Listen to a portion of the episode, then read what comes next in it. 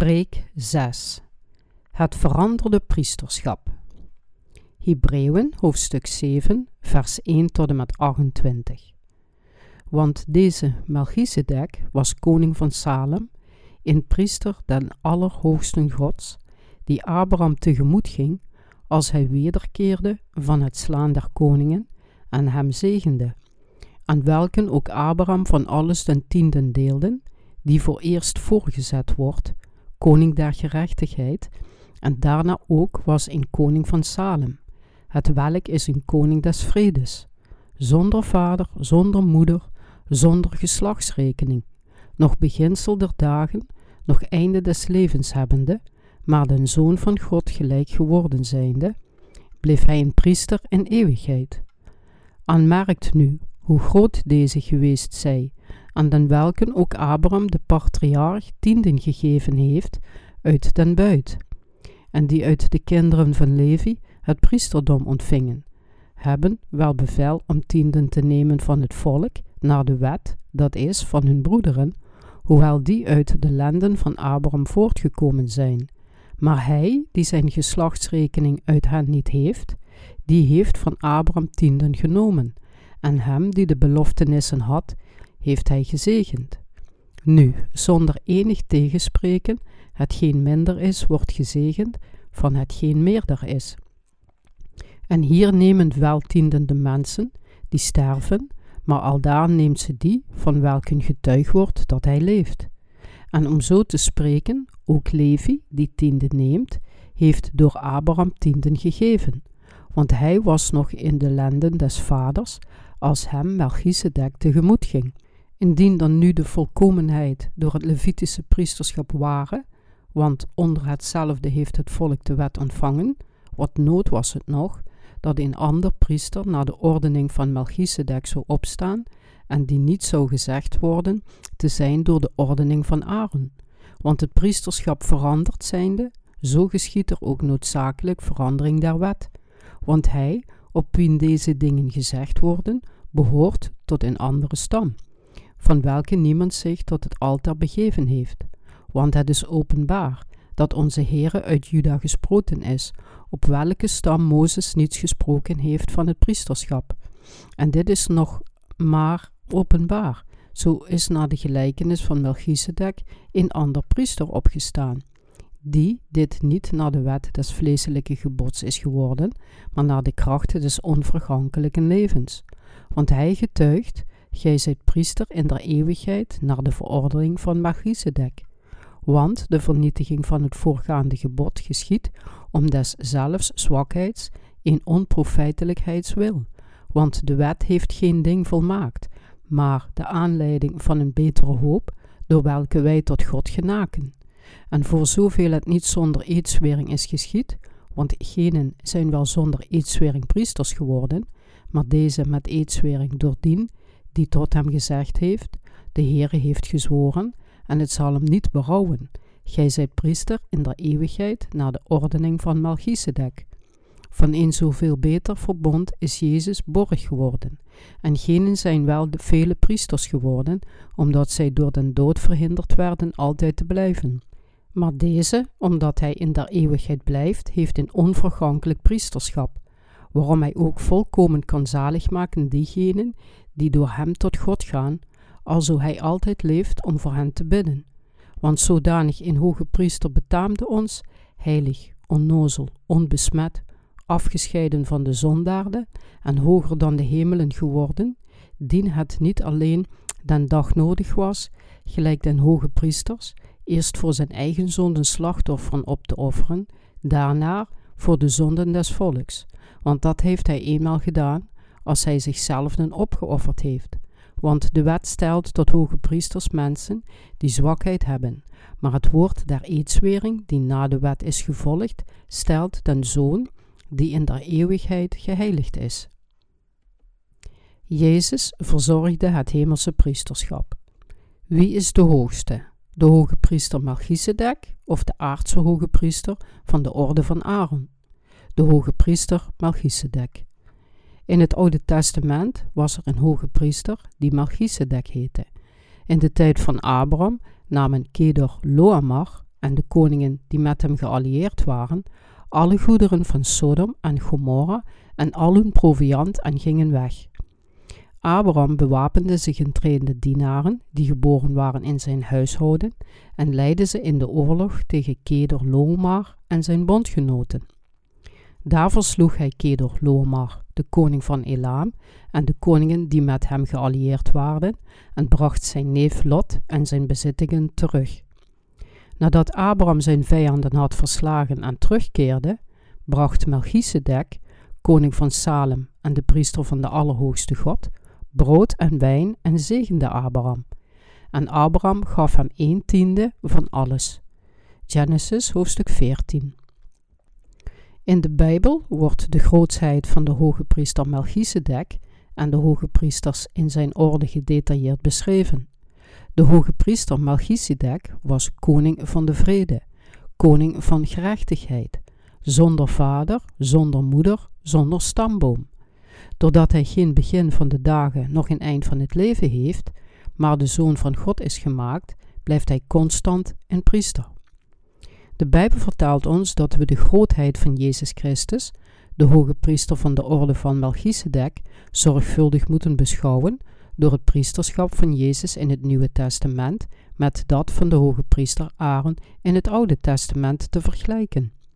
De nakomelingen van Levi werden priesters en verzamelden tienden van het volk, dat wil zeggen hun broeders, ook al waren zij nakomelingen van Abraham. Maar toen Abraham tienden aan de hoge priester Melchizedek gaf, was Levi nog steeds in de lenden van zijn vader. Waren de priesters van het Oude Testament groter dan Jezus? Het wordt uitgelegd in de Bijbel. Is Jezus groter dan de aardse hoge priesters? Wie zou gezegend moeten worden door wie? De schrijver van Hebreeën sprak hierover vanaf het begin. Nu, zonder enig tegenspreken, hetgeen minder is, wordt gezegend van hetgeen meerder is. Abraham werd gezegend door de hoge priester Melchizedek. Hoe moeten we in ons geloof leven? Moeten we op de geboden van God vertrouwen door het offeringssysteem van de heilige tabernakel van het Oude Testament? Of moeten we op Jezus Christus vertrouwen, die tot ons kwam als de hemelse hoge priester door zijn offer van het water en de geest? Afhankelijk van welke interpretatie we kiezen, worden we gezegend of verdoemd. Leven we volgens het woord van God en offeren we dagelijks offers, of kiezen we ervoor om in de zaligmaking te geloven die Jezus ons gegeven heeft door zichzelf voorgoed op te offeren met het water en het bloed? We moeten één van deze twee kiezen. In de tijd van het Oude Testament keek het volk van Israël op naar de nakomelingen van Aaron en Levi. Als ons in die tijd van het Nieuwe Testament gevraagd wordt wie groter is, Jezus of de priesters van de orde van Aaron, dan kunnen we zonder aarzeling antwoorden dat Jezus groter is. Maar hoewel mensen dit feit duidelijk kennen, zijn er maar weinigen die het in hun geloof volgen. De Bijbel geeft ons een duidelijk antwoord op deze vraag. Het vertelt ons dat Jezus, die van een andere stam was die nog nooit voor het altaar had gediend, het hemelse priesterschap overnam. Want het priesterschap veranderd zijnde, zo geschiet er ook noodzakelijk verandering der wet. God gaf het volk van Israël geboden en 613 gedetailleerde artikelen van de wet door Mozes. Mozes vertelde het volk om volgens de wet en de geboden te leven en het volk stemde ermee in. Waarom zette God het eerste verbond opzij en vestigde het tweede? Omdat de mens te zwak was om volgens het eerste verbond te leven. Het volk van Israël legde in de Bijbel een eed af om volgens de geboden van God te leven in de Pentateuch, Genesis, Exodus, Leviticus, Numeri en Deuteronomium. God verkondigde elk gebod aan hen en zij zeiden ja tegen elk gebod. Maar we kunnen zien dat ze na Deuteronomium vanaf Joshua nooit meer volgens de geboden van God geleefd hebben. En van richteren tot één koningen en twee koningen begonnen zij hun leiders in diskrediet te brengen en naderhand waren zij zo vervallen dat zij het offeringssysteem van het heilige tabernakel veranderden. En uiteindelijk, in Melachi, brachten zij dieren die niet geschikt waren om geofferd te worden, ondanks Gods instructies om een offer zonder smet aan te bieden. Zij vroegen de priesters: knijp alstublieft een oogje dicht, accepteer alstublieft deze ene. In plaats van offers te brengen volgens de wet van God, veranderden ze die willekeurig. Het volk van Israël hield zich nooit volledig aan de wet van God in de tijd van het Oude Testament. Zij vergaten en negeerden gewoon de zaligmaking die in het systeem onthuld wordt. Daarom moest God het offeringssysteem veranderen. In Jeremia zegt God: Ik zal met het huis van Israël en met het huis van Juda een nieuw verbond maken. Laten we eens kijken naar Jeremia, hoofdstuk 31, vers 31 tot en met 34. Ziet, de dagen komen, spreekt de Heere, dat ik met het huis van Israël en met het huis van Juda een nieuw verbond zal maken. Niet naar het verbond dat ik met hun vaderen gemaakt heb, ten dagen als ik hun hand aangreep om hen uit Egypte land uit te voeren, welk mijn verbond zij vernietigd hebben, hoewel ik in hen getrouw had, spreekt de Heere. Maar dit is het verbond dat ik na die dagen met het huis van Israël maken zal, spreekt de Heere. Ik zal mijn wet in hun binnenste geven en zal die in hun hart schrijven. En ik zal hun tot hun God zijn, en zij zullen mij tot hun volk zijn. En zij zullen niet meer, in eigenlijk zijn naaste, in eigenlijk zijn broeder, leren, zeggende, kent deze Heere, want zij zullen mij allen kennen, van het kleinste af tot het grootste toe, spreekt de Heere. Want ik zal hun ongerechtigheid vergeven en hun zonden niet meer gedenken. God zei dat hij een nieuw verbond zou maken. Hij had al een verbond gemaakt met het volk van Israël, maar zij konden niet volgens het woord van God leven. Al dus besloot hij een nieuw verbond van zaligmaking met zijn volk te maken. Zij hadden een eed voor God afgelegd. We zullen alleen u aanbidden en volgens uw woorden en geboden leven. God had hun verteld: Jullie zullen geen andere goden voor mij hebben. En het volk van Israël zei: Zeker, we zullen nooit een andere God aanbidden. U bent de enige God voor ons. Er kan nooit een andere God voor ons zijn. Maar zij konden zich niet aan hun eed houden. De kern van de wet bestaat uit tien geboden. Gij zult geen andere goden voor mijn aangezicht hebben. Gij zult geen gesneden beeld nog enige gelijkenis maken. Gij zult u voor die niet buigen, noch gaan dienen. Gij denkt den Sabbatdag, dat gij dien heiligt. Gij zult de naam des Heeren, uw Gods, niet ijdelijk gebruiken. Eert uw vader en uw moeder. Gij zult niet doodslaan. Gij zult niet echt breken. Gij zult niet stelen. Gij zult geen valse getuigenis spreken tegen uw naasten. Gij zult niet begeren uw naastens huis. Exodus hoofdstuk 20.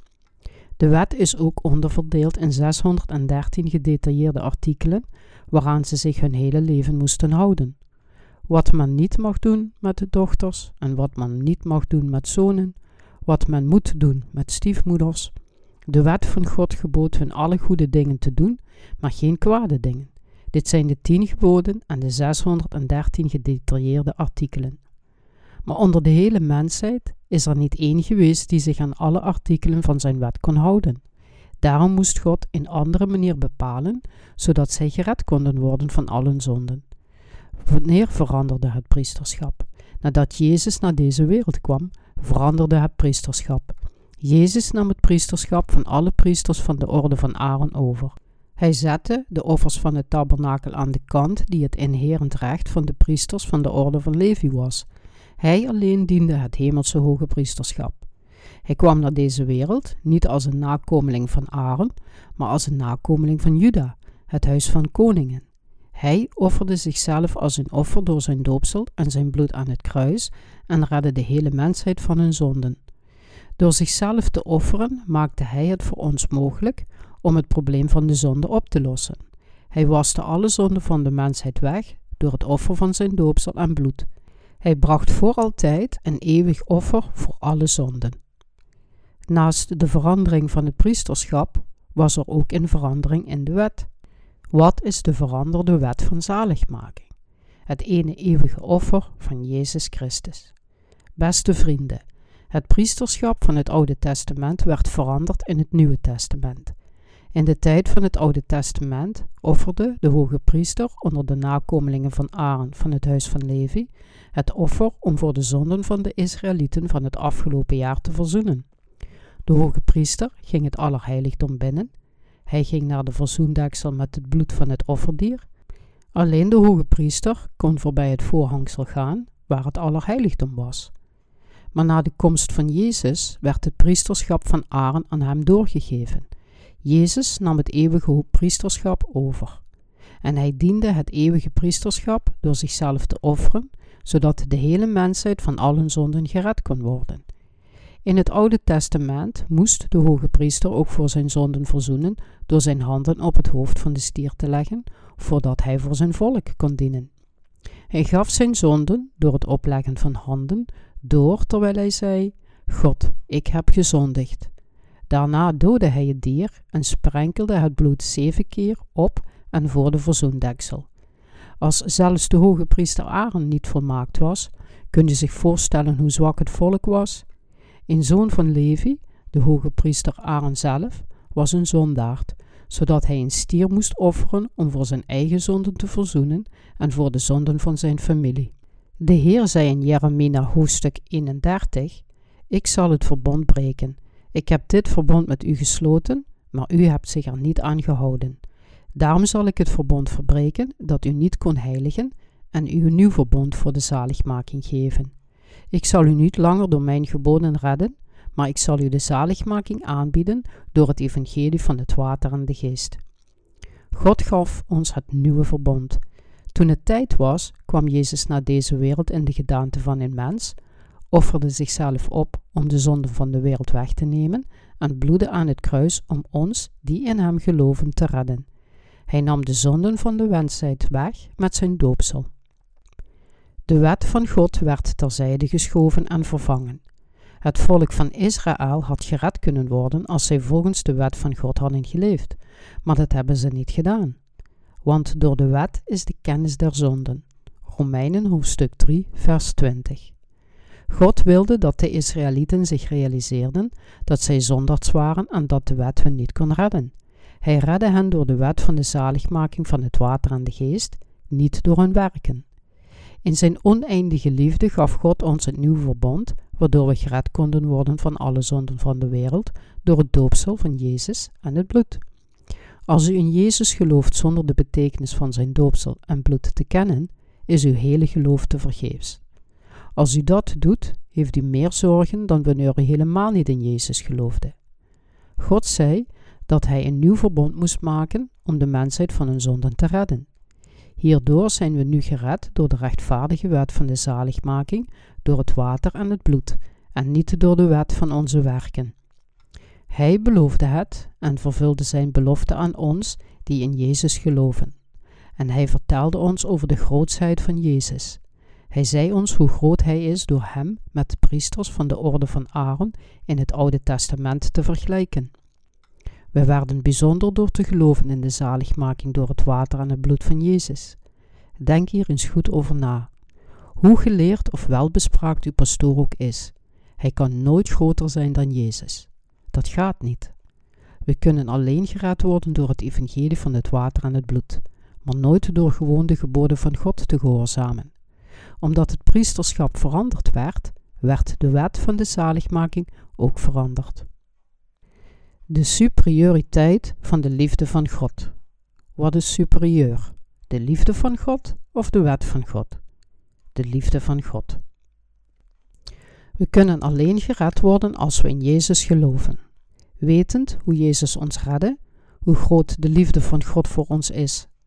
Wat is dan het verschil tussen het gelovende geboden en gelovende grootsheid van de liefde van God? De legalisten hechten meer belang aan hun eigen conventionele doctrines en persoonlijke ervaringen dan aan Gods woord. Maar het ware en volledig geestelijke geloof in Jezus komt tot stand door te geloven in de grootsheid van de zaligmaking die door het water en de geest wordt vervuld. Zelfs vandaag de dag zeggen veel mensen dat de erfzonde is vergeven, maar dat zij iedere dag voor een dagelijkse zonde moeten verzoenen. Veel mensen geloven dit en proberen hun leven volgens de geboden van het Oude Testament te leven. Zij zijn zich er nog altijd niet van bewust de superioriteit van de zaligmaking van Jezus, die door het water en de geest kwam. In het Oude Testament moesten de Israëlieten volgens de wet van God leven om van hun zonden gered te worden, maar ze konden niet gered worden. Omdat de Heer onze zwakheden en onvolmaaktheden kent, heeft Hij zijn geboden terzijde geschoven. We kunnen nooit gered worden door onze werken. Jezus zei dat Hij ons door zijn evangelie van het water en de geest zou redden. Hij zei: Ik zelf zal u allemaal verlossen van uw zonden. God profeteerde het in Genesis. Het zaad van de vrouw zal u den kop vermorzelen, en gij zult het de verzenen vermorzelen. Genesis hoofdstuk 3 vers 15 Nadat Adam en Eva gezondigd hadden en gevallen waren, maakten ze kleren van vijgenbladeren om hun zondigheid voor God verborgen te houden. Maar God riep hen en maakte kleren van huiden als een symbool van de zaligmaking. Genesis spreekt over twee soorten kleden van zaligmaking. Eén was gemaakt van vijgenbladeren en de andere was gemaakt van huiden. Welke is volgens u beter? Natuurlijk zijn de kleren van huiden beter, omdat het leven van een dier geofferd werd om een mens te beschermen. Kledingstukken van vijgenbladeren verwelken snel. Zoals u weet lijkt een vijgenblad op een hand met vijf vingers. Om dus een kledingstuk van vijgenbladeren aan te trekken, betekent het verbergen van uw zonden achter goede daden. Als u een kledingstuk van vijgenbladeren aandoet en gaat zitten, dan zullen de bladeren gauw scheuren. Als kind maakte ik vaak een uitrusting van bladeren van pijlwortel om soldaatje te spelen. Maar hoe voorzichtig ik het ook droeg, op het einde van de dag waren de bladeren allemaal gescheurd. Zo maakt het kwetsbare vlees van de mens ook de heiligmaking onmogelijk. Maar de zaligmaking van het water en het bloed, het doopsel van Jezus en zijn dood aan het kruis, redden meer dan genoeg zondaars om te getuigen van de grootsheid van de liefde van God. Zo superieur is de liefde van God ten opzichte van de wet van God. Diegenen die nog steeds geloof hebben in de wet van God. Waarom maken legalisten elke dag nieuwe kleding met hun werken? Omdat zij niet weten dat hun werken hun niet rechtvaardig kunnen maken. Diegenen die hun kleren van vijgenbladeren maken, leiden een wettisch leven. Deze misleide gelovigen moeten hun kleding regelmatig vervangen. Zij moeten iedere zondag, als zij naar de kerk gaan, nieuwe kleren maken. Beste God, ik heb zoveel gezondigd vorige week. Mijn Heer, ik geloof dat U me aan het kruis redde. Heer, was alstublieft mijn zonde weg met het bloed van het kruis. Op dat moment naaien zij een nieuw paar kleren. O, loof de Heer, halleluja. Maar thuis moeten zij al gauw een nieuw paar kleren maken. Waarom? Omdat hun oude versleten zijn. Beste Heer, ik heb alweer gezondigd de afgelopen drie dagen. Vergeef me alstublieft. Zij maken en dragen keer op keer nieuwe kleden van berouw. In het begin kunnen de kleren enkele dagen meegaan, maar na een tijdje hebben ze iedere dag een nieuwe set nodig. Omdat zij nooit volgens de wet van God kunnen leven, schamen ze zich voor zichzelf. O, ik schaam me zo, Heer. O Heer, ik heb gezondigd. En zij moeten nieuwe kleren van berouw maken. O Heer, het is vandaag zo moeilijk om kleren van vijgenbladeren te maken. Zij werken zo hard om nieuwe kleren te naaien. Telkens wanneer zulke mensen de Heer aanroepen, is dat om hun zonden te biechten. Zij bijten op hun lip en roepen naar God: God! En ze blijven iedere dag hun kleding maken. Wat gebeurt er dan als zij hier moe van worden? Eén of twee keer per jaar gaan zij naar de bergen en vasten. Zij proberen supersterke kleren te maken. Heer, was alstublieft mijn zonden weg. Maak me alstublieft nieuw. Ik geloof in u, Heer. Zij denken dat het beter is om s'nachts te bidden. Dus rusten zij overdag en zo gauw het nacht wordt, klammen ze zich met al hun macht vast aan bomen of ze gaan naar donkere holen en roepen uit naar God. Heer, ik geloof. Ik beleid en vul mijn hart met berouwvolle gedachten. Zij bidden hardop en schreeuwen: Ik geloof. Op deze wijze maken zij speciale kleren waarvan zij hopen dat deze langer zullen houden, maar dat doen ze nooit. Hoe verkwikkend is het om na berggebeden naar beneden te komen, net als een koele bries of een lenteregen die de bomen en bloemen besprenkelt, wordt hun ziel vervuld met vrede en de genade van de Almachtige. Ze voelen zich zuiverder dan de geest van de berg en staan voor de wereld in hun speciale nieuwe kleding. Maar zodra ze teruggaan naar hun huis en kerk en hun dagelijks leven weer opnemen, worden de kleren vies en beginnen te verslijten. Hun vrienden vragen: Waar ben je geweest? Ach, ik ben een tijdje weg geweest. Je ziet eruit alsof je vermagerd bent. Ja, maar dat is een ander verhaal. Zij onthullen nooit dat ze gevast hebben. Zij gaan gewoon naar de kerk en bidden. Ik zal nooit vrouwen begeren. Ik zal nooit liegen. Ik zal het huis van mijn buurman nooit begeren. Ik zal van alle mensen houden. Maar op het moment waarop zij een mooie, zwaarboezemde vrouw met slanke benen zien, verandert de heiligheid in hun hart meteen in pure lust. Kijk hoe kort het rokje is. De rokken worden steeds korter. Die benen moet ik weer zien. O, nee, o Heer, ik heb weer gezondigd. Legalisten lijken vroom, maar u moet weten dat zij zich iedere dag nieuwe kleding moeten maken. Legalisme is het geloof in kledingstukken van vijgenbladeren, het verkeerde geloof. Veel mensen proberen zo hard om vroom volgens de wet van God te leven. Ze schreeuwen de longen uit hun lijf in de bergen, zodat hun stem tamelijk vroom begint te klinken. Legalisten zijn erg indrukwekkend als zij de mis in de kerk leiden. Heilige Vader in de hemel, we hebben de afgelopen week gezondigd, vergeef ons alstublieft. Zij barsten in tranen uit en de rest van de congregatie volgt. Zij denken bij zichzelf: hij moet een lange tijd vastend en biddend in de bergen hebben doorgebracht. Hij klinkt zo vroom en getrouw.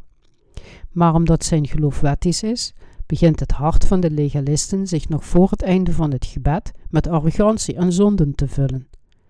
Als mensen speciale nieuwe kleren maken van vijgenbladeren, kunnen deze zelfs twee of drie maanden houden. Maar vroeg of laat worden de kleren vodden en moeten de mensen nieuwe kleren maken en verder gaan met hun schijnheilige leven. Dit is het leven van legalisten die volgens de wet proberen te leven om gered te worden. Zij moeten constant nieuwe kleren van vijgenbladeren maken. Legalisme is het geloof van vijgenbladeren.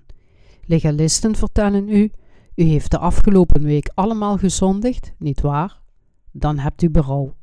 Zij schreeuwen met een luide stem naar u: Hebt berouw. Bid. Een legalist weet hoe hij zijn stem heilig moet laten klinken. Heer, het spijt me. Ik heb niet volgens de wet geleefd. Ik heb me niet aan uw geboden gehouden. Vergeef me, Heer, vergeef me nog één keer. Ze kunnen nooit volgens de wet leven, ook al proberen ze dapper van wel. In feite dagen ze de wet van God en God zelf uit. Ze zijn arrogant voor God. De gelijken van Shudalba. Waarom legde God de wet terzijde? Omdat het nutteloos was om ons van de zonde te redden.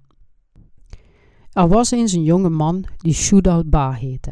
In 1950, tijdens de Koreaanse oorlog, kwamen de communistische soldaten en bevalen hem om de binnenplaats op de Sabbatdag te vegen, om hem zo van zijn standvaste religieuze geloof te beroven en hem een communist te maken.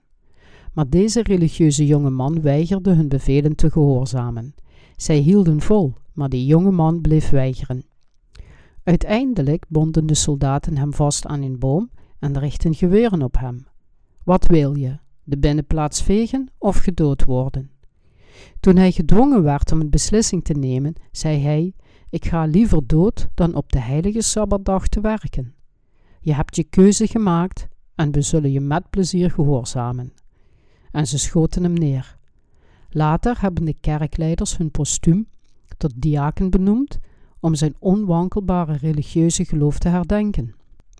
Maar zijn religieuze geloof was een vergissing. Waarom had hij niet de binnenplaats geveegd en het evangelie aan deze soldaten gepredikt? Waarom moest hij zo koppig zijn en ervoor sterven? Zou God hem loven omdat hij niet op de sabbatdag heeft gewerkt? Nee. We moeten een geestelijk leven leiden. Niet onze daden, maar ons geloof is belangrijk in de aanwezigheid van God. De leiders van de kerk willen iemand als Shudalba verheerlijken, omdat zij met de superioriteit en orthodoxie van hun eigen denominatie willen pronken. Het is net als de schijnheilige fariseeën die Jezus uitdaagden. We kunnen niets leren van legalisten. We moeten over het geestelijke geloof leren. We moeten nadenken waarom Jezus gedoopt moest worden en aan het kruis moest bloeden, en de aard van het evangelie van het water en de geest onderzoeken. We moeten eerst de antwoorden op deze vragen zien te vinden en dan proberen het evangelie aan alle mensen van de wereld te verspreiden, zodat zij wedergeboren kunnen worden. We moeten ons leven aan geestelijke werken wijden. Als een prediker tegen u zegt: Wees zoals deze jonge man Shudalbai, houd de Sabbatdag heilig, dan probeert hij u alleen op zondag naar de kerk te krijgen. Hier is nog een verhaal dat verhelderend kan zijn. Er was eens een vrouw die zich veel moeite moest doen om op zondag naar de kerk te gaan. Haar schoonouders waren geen christenen en zij probeerde wanhopig haar niet naar de kerk te laten gaan.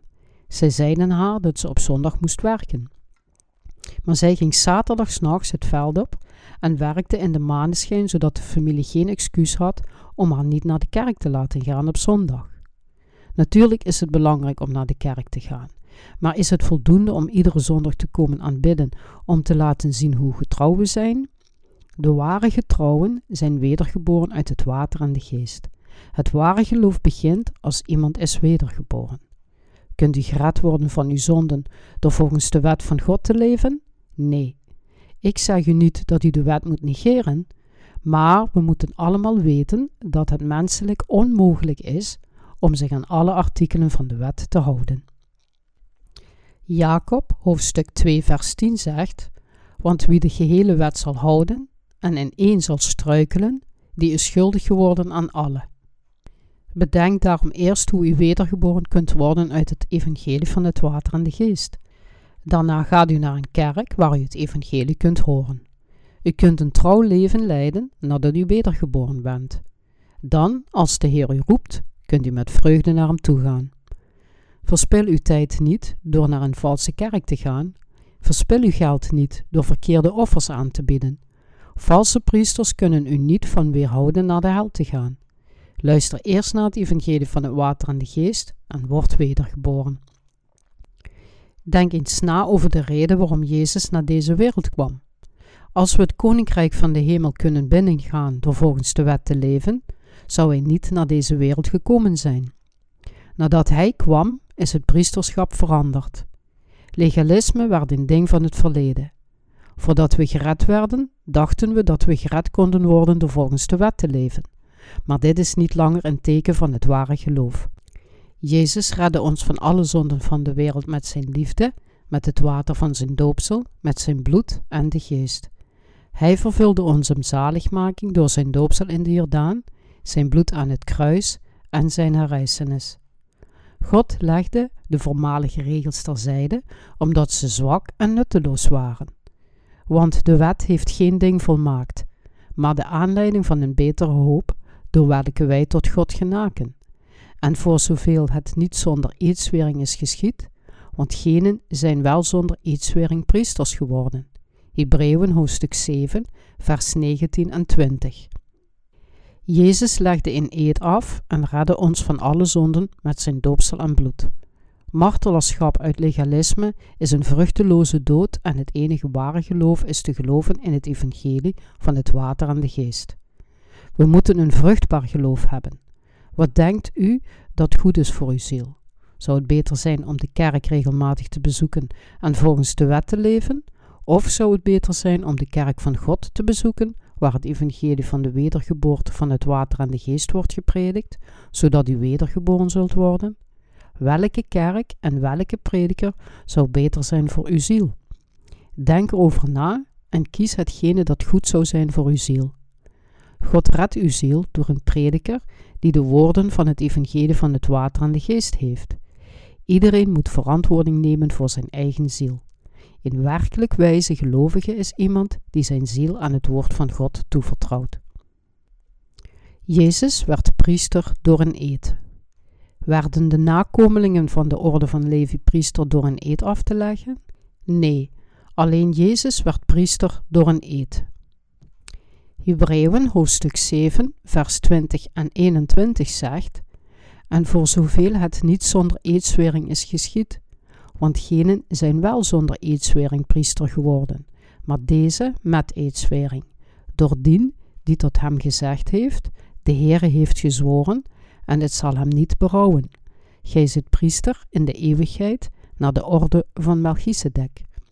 En Psalmen 110 vers 4 zegt, De Heere heeft gezworen, en het zal hem niet berouwen. Gij zit priester in eeuwigheid naar de ordening van Melchizedek. De Heer heeft een belofte afgelegd. Hij maakte een verbond met ons en toonde het aan ons door het geschreven woord. Ik zal de eeuwige hoge priester worden in de orde van Melchizedek. Melchizedek is koning van de gerechtigheid, koning van de vrede en voor altijd de hoge priester. Ik zal de eeuwige hoge priester worden in de orde van Melchizedek voor jullie zaligmaking. Jezus kwam naar deze wereld en stond borg voor een beter verbond. Hebreeën hoofdstuk 7, vers 22. In plaats van het bloed van stieren en bokken bood hij zichzelf aan als het offer door gedoopt te worden en aan het kruis te bloeden om al onze zonden weg te wassen. Wanneer een hoge priester in het Oude Testament stierf, volgde zijn zoon hem op als hij dertig jaar werd. Wanneer de hoge priester oud werd en de zoon de leeftijd van dertig jaar had bereikt, gaf de hoge priester het priesterschap aan zijn zoon door. Er waren veel nakomelingen van de hoge priester, dus zette David een systeem op waarbij ze allemaal om de beurt de rol op zich namen. Sinds alle nakomelingen van Aaron aangewezen werden als priester, hadden zij het recht en de plicht om het priesterschap te dienen. Lucas zei: Zacharias van de dagorde van Abia, en het geschiedde dat, als hij het priesterambt bediende voor God, in de buurt zijner dagorde. Jezus kwam naar deze wereld en nam de bediening van het priesterschap voor altijd over. Hij kwam als priester van de goede dingen die nog moesten gebeuren. Hij vervulde de zaligmaking van de wedergeboorte uit het water en de geest. De nakomelingen van Aaron waren zwak en onvolmaakt in hun vlees. Wat gebeurde er als een hoge priester stierf? Zijn zoon nam het hoge priesterschap over. Maar zulke offers konden nooit genoeg zijn om de zaligmaking van de mensheid te verzekeren. Geloof door de mensheid kan nooit één waar en volledig geloof zijn. In de tijd van het Nieuwe Testament kwam Jezus naar deze wereld, maar hij hoefde niet voortdurend offers te brengen, omdat hij voor altijd leeft. Hij nam onze zonden voor eens en altijd weg met zijn doopsel. Hij bood zichzelf aan en werd gekruisigd om iedereen die in hem geloven volledig vrij van zonden te maken.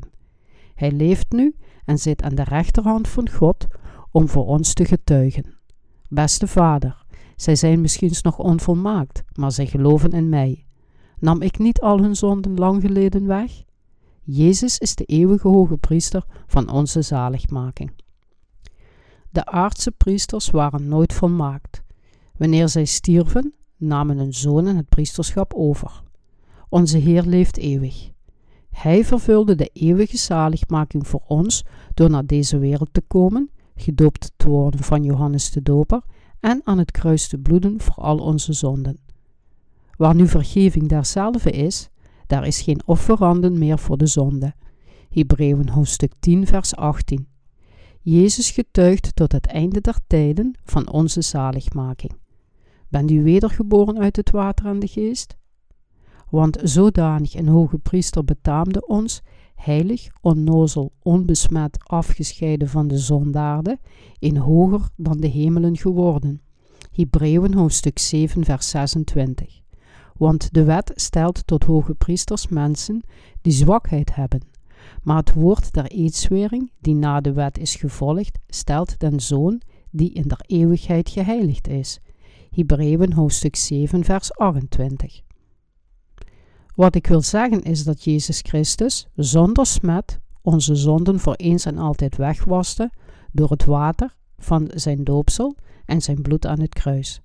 Hij redde ons van al onze zonden, niet door de wet van werken, maar door al onze zonden weg te nemen en voor altijd veroordeeld te worden.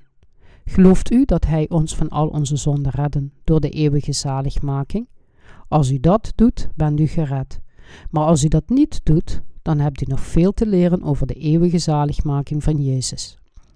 Het ware geloof komt van het evangelie van het water en de geest, strikt gebaseerd op de geschriften. Jezus Christus, de eeuwige hemelse hoge priester, werd onze eeuwige Verlosser door zijn doopsel en bloed aan het kruis. We moeten ons geloof volledig begrijpen. Wat betekent geloven in Jezus? Te geloven in het doopsel van Jezus en zijn dood aan het kruis. We moeten nadenken over hoe we op de juiste manier in Jezus kunnen geloven en ons geloof corrigeren. Hoe kunnen we op de juiste manier in Jezus geloven? We kunnen dit doen door in het evangelie van het doopsel van Jezus en zijn bloed aan het kruis te geloven. Het juiste geloof is om in de werken van Jezus te geloven, zijn doopsel en bloed, zonder onze eigen foutieve ideeën eraan toe te voegen. Gelooft u dat dit waar is? Hoe is uw geestelijke toestand? Vertrouwt u te veel op uw eigen werken en inspanningen? Er is niet veel tijd verstreken sinds ik in Jezus begon te geloven, maar ik heb ongeveer tien jaar geleden vanwege het legalisme. Maar uiteindelijk werd ik moe van dit soort leven. Ik wil mezelf niet aan die tijd herinneren. Mijn vrouw die hier zit, weet hoe verschrikkelijk het voor me was. Op zondag zei ik: Schat, laten we vandaag wat leuks gaan doen. Maar vandaag is het zondag. Ze waste zelfs geen kleren op zondag. Ik heb me eens op een zondag mijn broek gescheurd, maar ze zei dat ik tot maandag moest wachten. Eigenlijk stond ik er nog meer op dat we de sabbat correct zouden houden, maar het was zo moeilijk. We hadden nooit rust op zondag, omdat het zo moeilijk was om de sabbat correct te houden. Ik kan me die tijd nog goed herinneren. Beste vrienden, om werkelijk in Jezus te geloven, moeten we in de verlossing van onze zonden geloven door zijn doopsel en bloed aan het kruis. Het ware geloof is om in de goddelijkheid en menselijkheid van Jezus te geloven en alle dingen die Hij in deze wereld deed. De ware gelovigen geloven in al zijn woorden. Wat betekent het om in Jezus te geloven? Het is om in het doopsel van Jezus en zijn bloed te geloven. Dit heeft een diepe eenvoud. Het enige dat we moeten doen is in de Bijbel te kijken en in het Evangelie te geloven. We moeten allemaal op de juiste manier geloven. Dank u, Heer. Ik zie nu dat het niet is gelukt door mijn inspanningen, want door de wet is de kennis der zonden. Romeinen hoofdstuk 3, vers 20. Ik begrijp het nu helemaal. Ik dacht dat ik moest proberen volgens de wet te leven, omdat de wet goed was en omdat het de geboden van God waren. Ik heb tot nu toe zo mijn best gedaan, maar ik zie nu dat ik ongelijk had om te denken dat ik volgens de wet kon leven. Ik zie nu dat ik me nooit aan de geboden van God kan houden. Door de wet van God realiseer ik me dat mijn hart gevuld is met kwade gedachten en overtredingen. Ik begrijp nu dat de wet ons gegeven is om de kennis van de zonden in ons te laten doordringen. O, dank u, Heer. Ik heb uw wil verkeerd begrepen en heb zo mijn best gedaan om naar de wet te leven. Het was werkelijk arrogant van me om het zelfs maar te proberen. Ik heb berouw. Ik weet nu dat Jezus gedoopt is en bloedde voor mijn zaligmaking. Ik geloof. U moet eerlijk en zuiver geloven. U moet alleen in de geschreven woorden van de Bijbel geloven. Dit is de enige manier waarop u volledig wedergeboren kunt worden. Wat betekent het om in Jezus te geloven? Is het iets dat we gedurende een bepaalde periode moeten volbrengen? Is ons geloof een religie waarvoor u moet werken? De mensen maakten goden en zij hebben religies gemaakt die bij deze goden pasten. Religie is een proces die de mens doorloopt om een doel te bereiken, namelijk de goedheid van de mens. Wat is dan geloof? Het betekent in God te geloven en naar Hem op te kijken. We kijken naar de zaligmaking van Jezus op en danken Hem voor deze zegen. Dit is het ware geloof. Dit is het verschil tussen geloof en religie. Wanneer u tussen deze twee kunt onderscheiden, krijgt u 100 punten voor uw begrip van geloof. Theologen die niet wedergeboren zijn, vertellen ons dat we in Jezus moeten geloven en vroom moeten leven. Kan iemand gelovig zijn alleen maar omdat hij vroom is? Natuurlijk moeten we goed zijn. Wie leidt er een vromer leven dan diegenen onder ons die wedergeboren zijn? Maar het punt is dat zij dit aan zondaars vertellen. Er zitten twaalf soorten zonden in de gemiddelde zondaard. Hoe kan hij vroom leven? Natuurlijk kan zijn verstand begrijpen wat hij doen moet, maar zijn hart kan het niet uitvoeren. Als een zondaard de kerk verlaat, wordt een vroom leven slechts een theorie en zijn instinct laat hem zondigen. Daarom moeten we in ons hart beslissen of we volgens de wet gaan leven, of dat we gered worden door in het doopsel van Jezus en zijn bloed aan het kruis te geloven, door geloof te hebben in de eeuwige hoge priester van het koninkrijk van de hemel. Bedenk dat Jezus de ware hoge priester is voor diegenen die geloven. Laten we allemaal gered worden door de ware zaligmaking te kennen en erin te geloven door het doopsel van Jezus en zijn bloed aan het kruis. De wedergeborenen zijn niet bang voor het einde van de wereld. Waarom zijn de wedergeborenen niet bang voor het einde van de wereld? Omdat hun geloof in het evangelie van het water en de geest hun vrij van zonden maakt.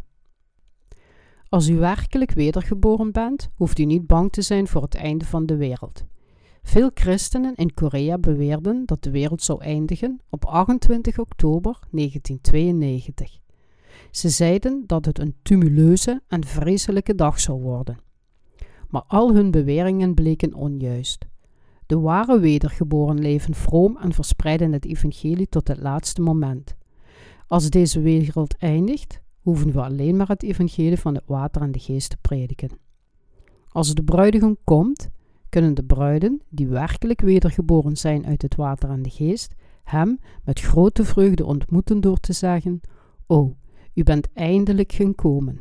Mijn vlees is nog altijd onvolledig, maar u hield van me en redde me van al mijn zonden.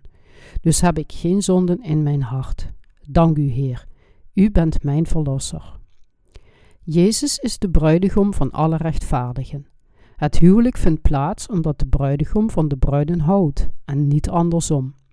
Ik weet dat het soms zo gebeurt in deze wereld, maar in de hemel is het de bruidegom die beslist of het huwelijk plaatsvindt.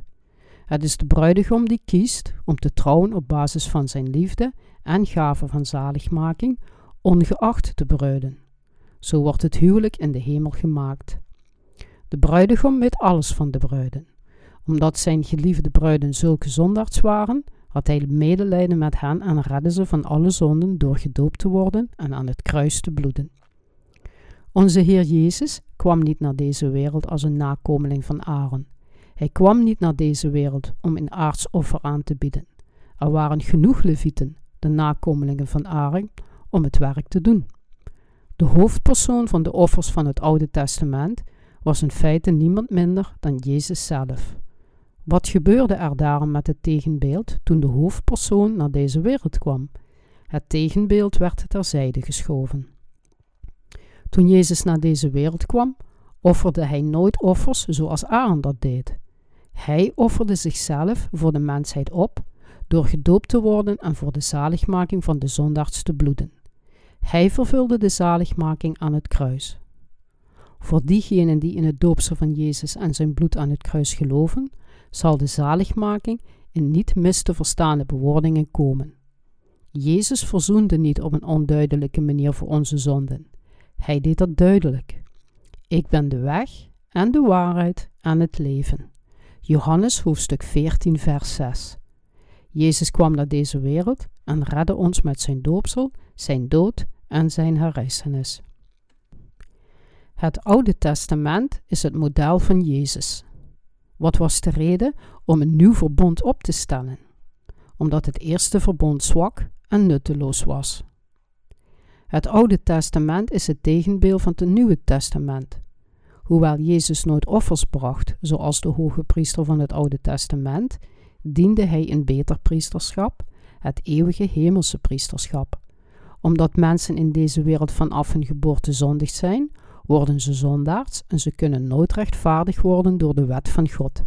Daarom maakte God een ander verbond. Onze Vader in de hemel stuurde zijn enig geboren zoon naar deze wereld en vroeg ons in zijn doopsel, bloed en herrijzenis te geloven. Dit is het tweede verbond van God. Dit tweede verbond vereist dat we in het evangelie van het water en de geest geloven. De Heer vraagt niet langer om onze goede werken. Hij vertelt ons niet hoe we moeten leven om gered te worden. Hij vraagt alleen dat we in de zaligmaking door zijn zoon geloven. Hij vraagt ons vooral te geloven in zijn doopsel en bloed aan het kruis. En wij moeten ja zeggen. In de Bijbel behield het huis van Juda het koningschap. Alle koningen van Israël werden geboren in het huis van Juda tot koning Salomo. Zelfs na de scheiding van het koninkrijk hield het huis van Juda de troon van het zuidelijke koninkrijk tot het instorten in 586 voor Christus. Op deze manier staat het volk van Juda voor de Israëlieten. De stam van Levi was de stam van de priesters. Iedere stam van Israël had zijn eigen rol. God beloofde de stam van Juda dat Jezus uit haar gelederen zou komen. Waarom maakte hij dit verbond met de stam van Juda? Het maken van dit verbond was hetzelfde als het maken van een verbond met het hele volk van de wereld, omdat de Israëlieten voor het volk van de wereld staan. Jezus vervulde het nieuwe verbond, wat de zaligmaking van de mensheid was door zijn doopsel, zijn dood aan het kruis en zijn herrijzenis. De zonden van de mens kunnen niet weggewassen worden door berouw. Worden de zonden van de mens met berouw weggewassen? Nee. In Jeremia hoofdstuk 17 vers 1 staat dat de zonden van de mens op twee plaatsen geschreven staan. De zonde van Juda is geschreven met een ijzeren griefje, met de punt in diamants, gegraven in de tafel van hun liederhart en aan de hoornen uw altaren. Onze zonden staan in ons hart geschreven. Zo weten we dat we zondaard zijn.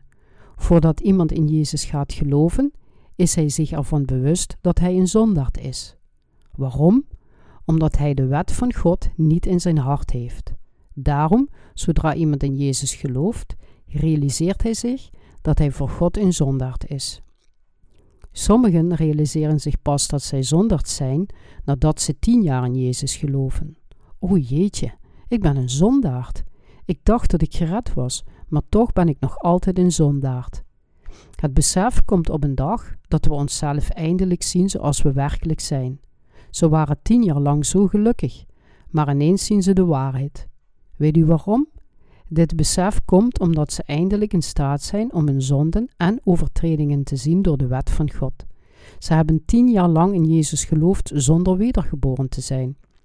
Omdat hij zijn zonden in zijn hart niet kan uitwissen, blijft hij een zondaard voor God.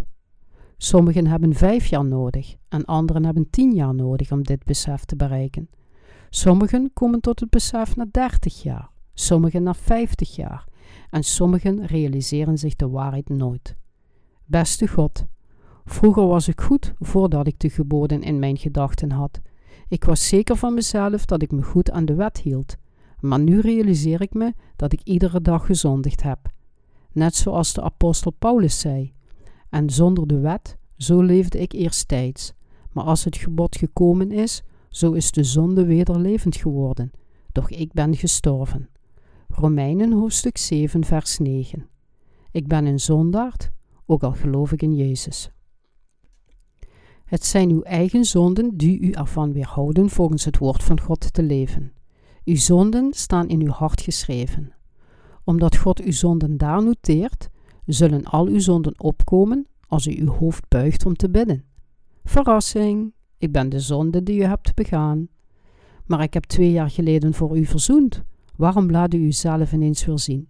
Waarom bent u niet weg? Ach, doe toch niet zo vervelend. Ik sta in uw hart genoteerd. Het doet er niet toe wat u denkt. U bent nog steeds een zondaard. Nee, nee. Dus de zondaard bekeert zich opnieuw voor de zonden die twee jaar geleden zijn begaan. Vergeef me alstublieft, Heer. Ik word nog steeds gekweld door de zonden die ik eerder heb begaan.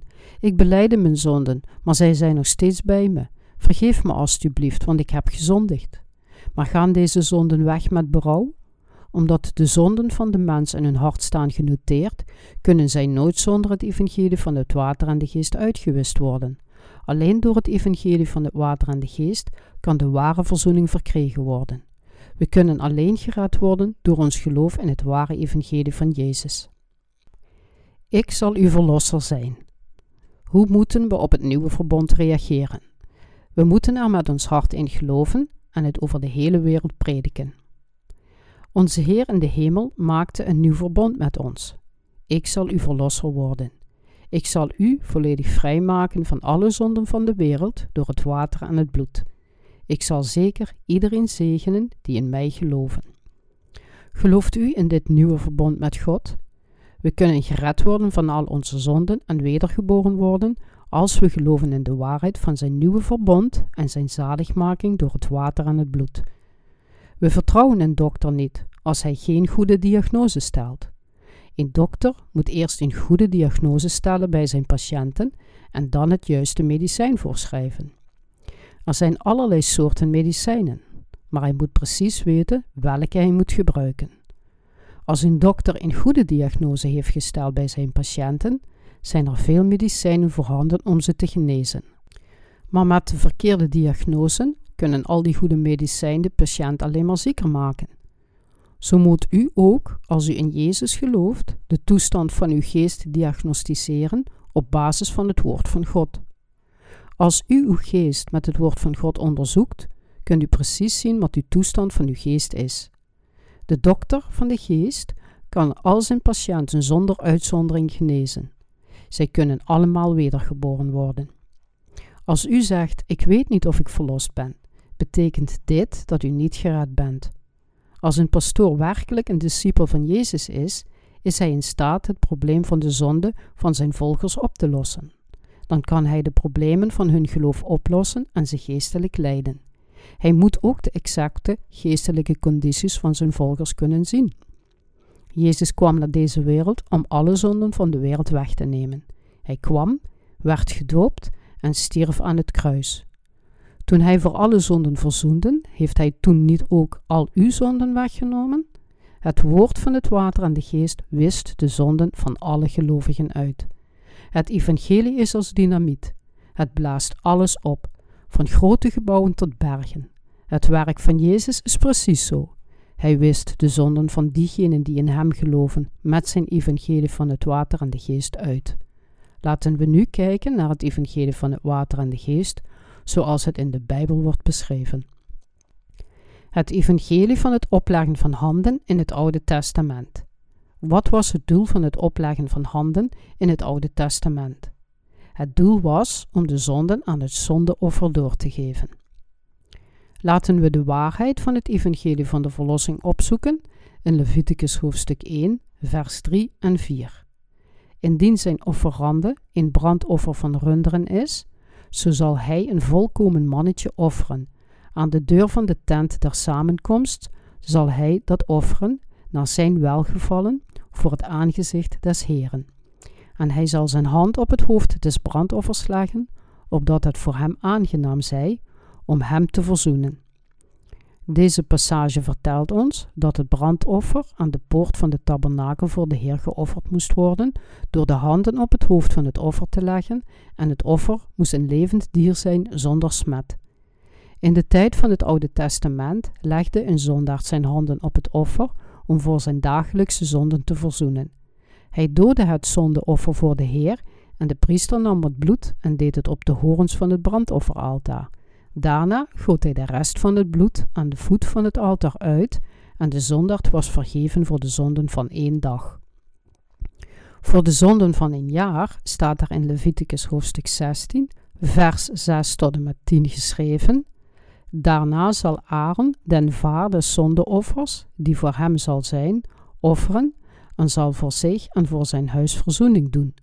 Hij zal ook beide bokken nemen en hij zal die stellen voor het aangezicht ten Heren aan de deur van de tent der samenkomst. En Aaron zal de loten van die twee bokken werpen, één lot voor den Heren en één lot voor den weggaande bok. Dan zal Aaron den bok, op den welke het lot van de Heere zal gekomen zijn, toebrengen, en zal hem ten zondeoffer maken. Maar de bok, op den welke het lot zal gekomen zijn, om in weggaande bok te zijn, zal leven voor het aangezicht des Heeren gesteld worden, om door hem verzoening te doen, omdat men hem als een weggaande bok naar de woestijn uitlaten. Zoals in de Bijbel uitgelegd wordt, betekent de zondebok vernietiging. Dus werden de zonden van één jaar op de tiende dag van de zevende maand verzoend. In Leviticus hoofdstuk 16, vers 29 en 30 staat geschreven: En dit zal voor u tot een eeuwige inzetting zijn.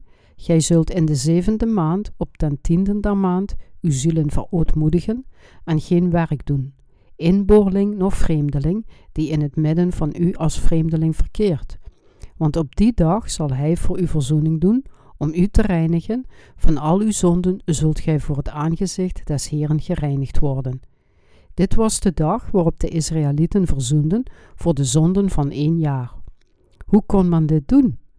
Ten eerste moest de hoge priester Aaron aanwezig zijn bij het offer. Wie vertegenwoordigde het volk van Israël?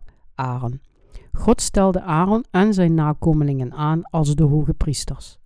Aaron bood de stier aan om voor zichzelf en voor zijn huis te verzoenen. Daarna doodde hij de stier en sprenkelde het bloed zeven keer op en voor de verzoendeksel. Hij moest eerst voor zichzelf en zijn huis verzoenen. De verzoening betekent dat iemand zijn zonden aan het zondeoffer doorgaf en het zondeoffer in zijn plaats liet sterven. De zondaard zou eigenlijk diegene zijn die zou moeten sterven. Maar hij kan voor zijn zonden verzoenen door ze aan het offer door te geven en het in zijn plaats te laten sterven. Nadat zijn zonden en de zonden van zijn huis verzoend waren, bood hij een bok aan voor God, terwijl hij een andere bok de woestijn instuurde als een zondebok in de aanwezigheid van het volk van Israël.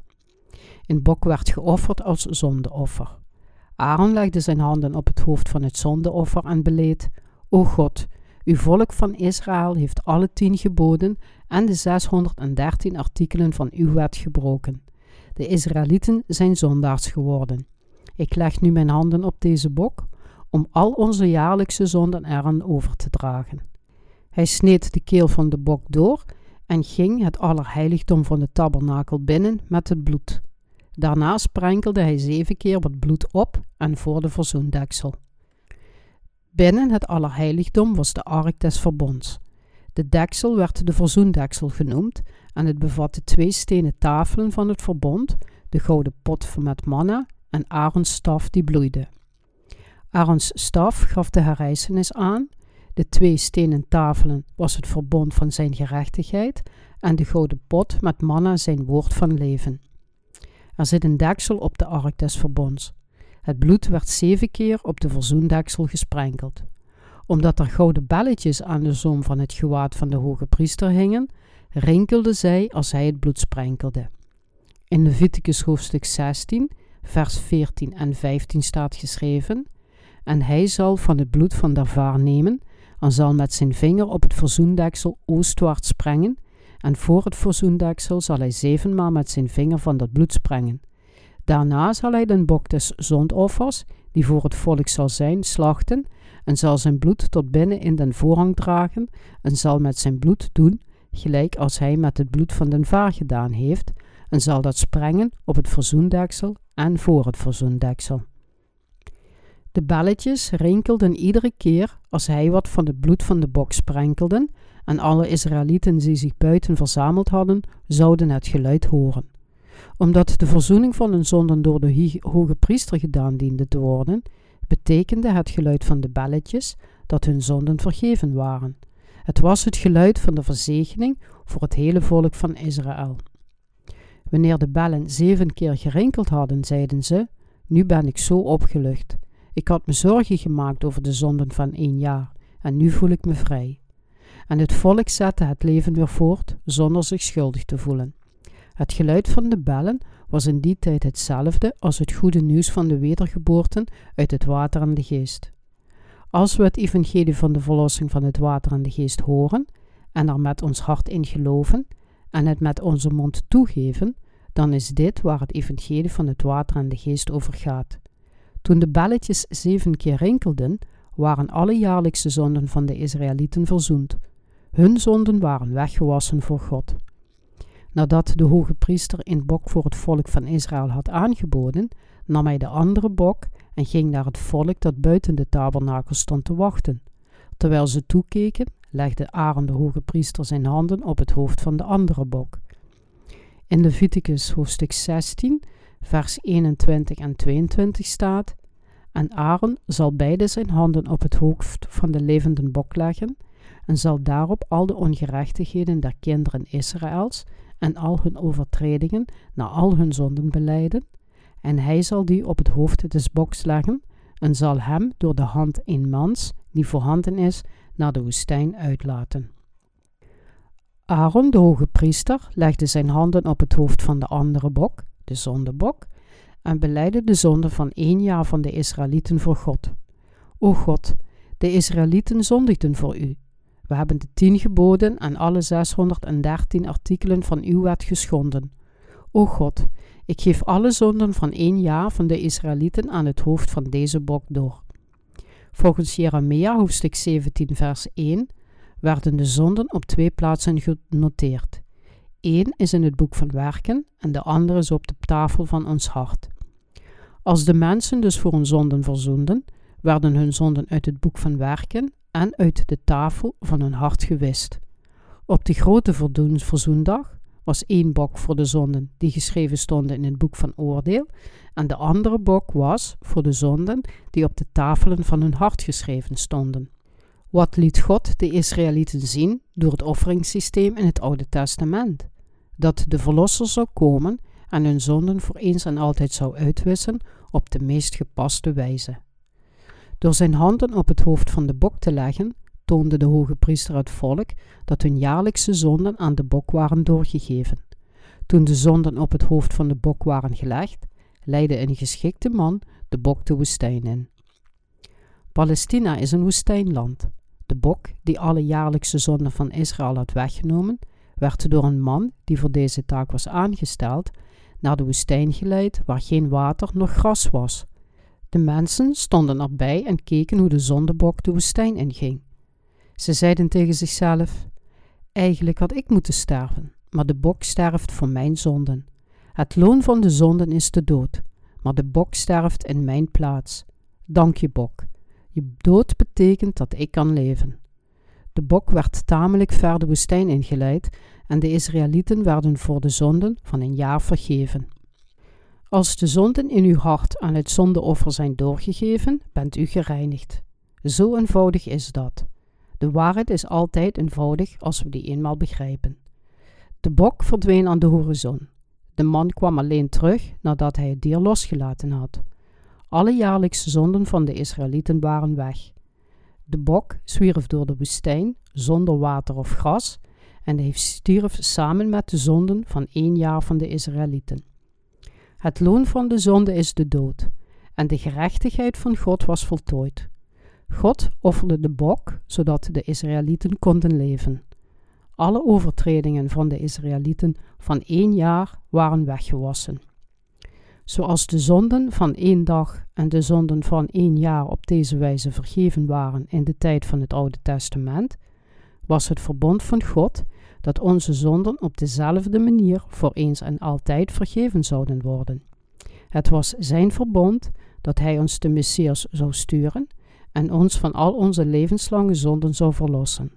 Het verbond werd uitgevoerd door het doopsel van Jezus. Om wedergeboren te worden uit het water en de geest in het Nieuwe Testament. Waarom werd Jezus door Johannes de Doper gedoopt? Om alle gerechtigheid te vervullen door alle zonden van de wereld weg te nemen. Het doopsel van Jezus in het Nieuwe Testament was het opleggen van handen in het Oude Testament. Laten we Matthäus hoofdstuk 3, vers 13 tot en met 15 lezen. Toen kwam Jezus van Galilea naar de Jordaan tot Johannes om van hem gedoopt te worden.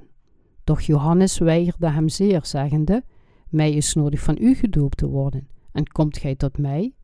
Maar Jezus antwoordende zeide tot hem: Laat nu af, want aldus betaamt ons alle gerechtigheid te vervullen. Toen liet hij van hem af. Jezus ging naar de Jordaan en werd gedoopt door Johannes de Doper, en daardoor vervulde hij alle gerechtigheid. Hij werd gedoopt door Johannes. Johannes was de grootste onder diegenen die uit vrouwen geboren werden. Matthäus hoofdstuk 11, vers 11 en 12 zegt: Onder degenen die van vrouwen geboren zijn, is niemand opgestaan meerder dan Johannes de Doper. En van de dagen van Johannes de Doper tot nu toe wordt het koninkrijk der hemelen geweld aangedaan. Johannes de Doper werd door God gekozen om de vertegenwoordiger van de mensheid te zijn en hij stuurde hem zes maanden voor Christus. Hij was een nakomeling van Aaron en de laatste hoge priester. Johannes de Doper zei toen hij Jezus naar hem toe zag komen: Mij is nodig van u gedoopt te worden, en komt gij tot mij? Laat nu af, want al dus betaamt het ons alle gerechtigheid te vervullen. Zijn doel was het om de mensheid van de zonden te bevrijden, zodat zij de kinderen van God konden worden. Jezus zei tegen Johannes: We moeten het evangelie van de wedergeboorte uit het water en de geest volbrengen, dus doop mij nu. Johannes doopte Jezus. Het was gepast dat Jezus gedoopt werd om alle zonden van de wereld weg te nemen. Omdat hij gedoopt werd op de meest gepaste wijze, werden wij op de juiste wijze gered van al onze zonden. Jezus werd gedoopt, zodat al onze zonden aan hem konden worden doorgegeven. Jezus kwam naar deze wereld en werd gedoopt toen hij dertig jaar was. Dit was het begin van zijn publieke ambt. Jezus vervulde alle gerechtigheid door alle zonden van de wereld uit te wissen en zo alle mensen te heiligen. Jezus kwam naar deze wereld en werd gedoopt op de meest gepaste wijze om ons van al onze zonden te verlossen. Want al dus werd alle gerechtigheid vervuld. God zei: Deze is mijn zoon, mijn geliefde, in den welke ik mijn welbehagen heb. Matthäus hoofdstuk 3, vers 17. Jezus Christus wist dat hij alle zonden van de mensheid zou wegnemen en aan het kruis zou doodbloeden, want hij gehoorzaamde de wil van zijn vader door te zeggen: Doch niet gelijk ik wil, maar gelijk gij wilt. Matthäus hoofdstuk 26, vers 39. De wil van de Vader was om alle zonden van de mensheid weg te wassen en zo zaligmaking te bieden aan het volk van de wereld. Dus gehoorzaamde Jezus, de gehoorzame zoon, zijn vaders wil en werd gedoopt door Johannes de Doper. In Johannes hoofdstuk 1, vers 29 staat: Des anderen daags zag Johannes Jezus tot zich komende en zeide: Zie het Lam Gods, dat de zonden der wereld wegneemt. Jezus nam alle zonden weg en bloedde aan het kruis op Golgotha. Ziet, het lam Gods die de zonden van de wereld wegneemt, getuigde Johannes de Doper. Hebt u zonden of niet? Bent u een rechtvaardig mens of een zondaard? De waarheid is dat Jezus alle zonden van de wereld wegnam en voor ons gekruisigd werd.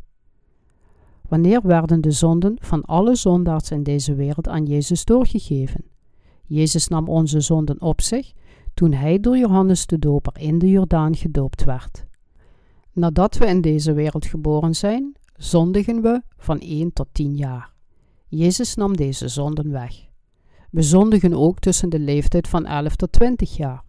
De zonden die we in ons hart begaan en in onze handelingen, hij nam ze allemaal weg. We zondigen ook tussen de leeftijd van 21 tot 45 jaar. Hij nam deze zonden ook weg. Hij nam alle zonden van de wereld weg en werd aan het kruis gekruisigd. We zondigen van de dag dat we geboren worden totdat we sterven. Maar hij nam ze allemaal weg. Ziet, het lam van God dat de zonden van de wereld wegneemt. Alle zonden, vanaf de eerste mens Adam tot de zonden van de laatste mens die op deze aarde wordt geboren, wanneer dat ook mogen zijn, hij nam ze allemaal weg. Hij koos niet zorgvuldig uit wiens zonde hij zou wegnemen. Hij besloot niet om maar van enkelen van ons te houden. Hij kwam in het vlees en nam alle zonden van de wereld weg en werd aan het kruis gekruisigd. Hij ontving het oordeel voor ons allemaal en wiste de zonden van de wereld voor eens en altijd uit. Niemand werd van zijn zaligmaking buitengesloten. Alle zonden van de wereld omvatten alle zonden. Jezus nam ze allemaal weg. Met zijn doopsel en bloed reinigde hij alle zonden van de wereld. Hij nam ze allemaal weg door zijn doopsel en werd voor onze zonden aan het kruis veroordeeld. Voordat Jezus aan het kruis stierf, zei hij: Het is volbracht. Johannes hoofdstuk 19, vers 30. Wat betekent dat de zaligmaking van de mensheid volbracht was? Waarom werd Jezus gekruisigd? Omdat het leven van het vlees in het bloed is en het bloed maakt de verzoening voor iemands leven. Leviticus hoofdstuk 17, vers 11. Waarom moest Jezus gedoopt worden? Omdat hij alle zonden van de wereld op zich wilde nemen. Hierna, Jezus, wetende dat nu alles volbracht was, opdat de schrift zou vervuld worden, zeide: Mijn dorst. Johannes hoofdstuk 19, vers 28. Jezus stierf, wetende dat het hele verbond van God in het Oude Testament volbracht was met zijn doopsel in de Jordaan en zijn dood aan het kruis. Jezus wist dat de verlossing door hem vervuld was en zei: Het is volbracht. Hij stierf aan het kruis. Hij verloste ons van de zonden, herrees van de dood op de derde dag en steeg op naar de hemel, waar hij nu aan de rechterhand van God zit. Het wegwassen van alle zonden door het doopsel van Jezus en zijn dood aan het kruis is het gezegende evangelie van de wedergeboorte uit het water en de geest. Geloof het en u zult van al uw zonden verlost worden. We kunnen onze zonden niet verzoenen door elke dag gebeden van berouw te geven. De verlossing wordt alleen door het doopsel van Jezus en zijn dood aan het kruis voor eens en altijd aan iedereen gegeven. Waar nu vergeving derzelfde is, daar is geen offeranden meer voor de zonden. Hebreeën hoofdstuk 10 vers 18 Nu hoeven we alleen in de verlossing door het doopsel van Jezus en zijn kruisiging te geloven. Geloof en u zult gered worden. Romeinen hoofdstuk 5 vers 1 en 2 zegt Wij dan, gerechtvaardigd zijnde uit het geloof, hebben vrede bij God door onze Heer Jezus Christus, door welken wij ook de toeleiding hebben door het geloof tot onze genade, in welke wij staan, en roemen in de hoop der heerlijkheid Gods. Er is geen andere manier om rechtvaardig te worden dan te geloven in het gezegende evangelie van de wedergeboorte uit het water en de geest. Het doel van de wet van God. Kunnen we geheiligd worden door de wet? Nee, dat kunnen we niet. De wet kan ons alleen bewust maken van onze zonden.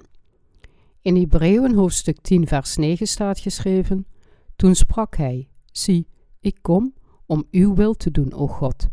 Hij neemt het eerste weg om het tweede te stellen. We kunnen niet door de wet geheiligd worden. Het maakt ons alleen zondaars. Het was niet Gods bedoeling dat we de wet gehoorzaamden. Romeinen hoofdstuk 3 vers 20 zegt, want door de wet is de kennis der zonden.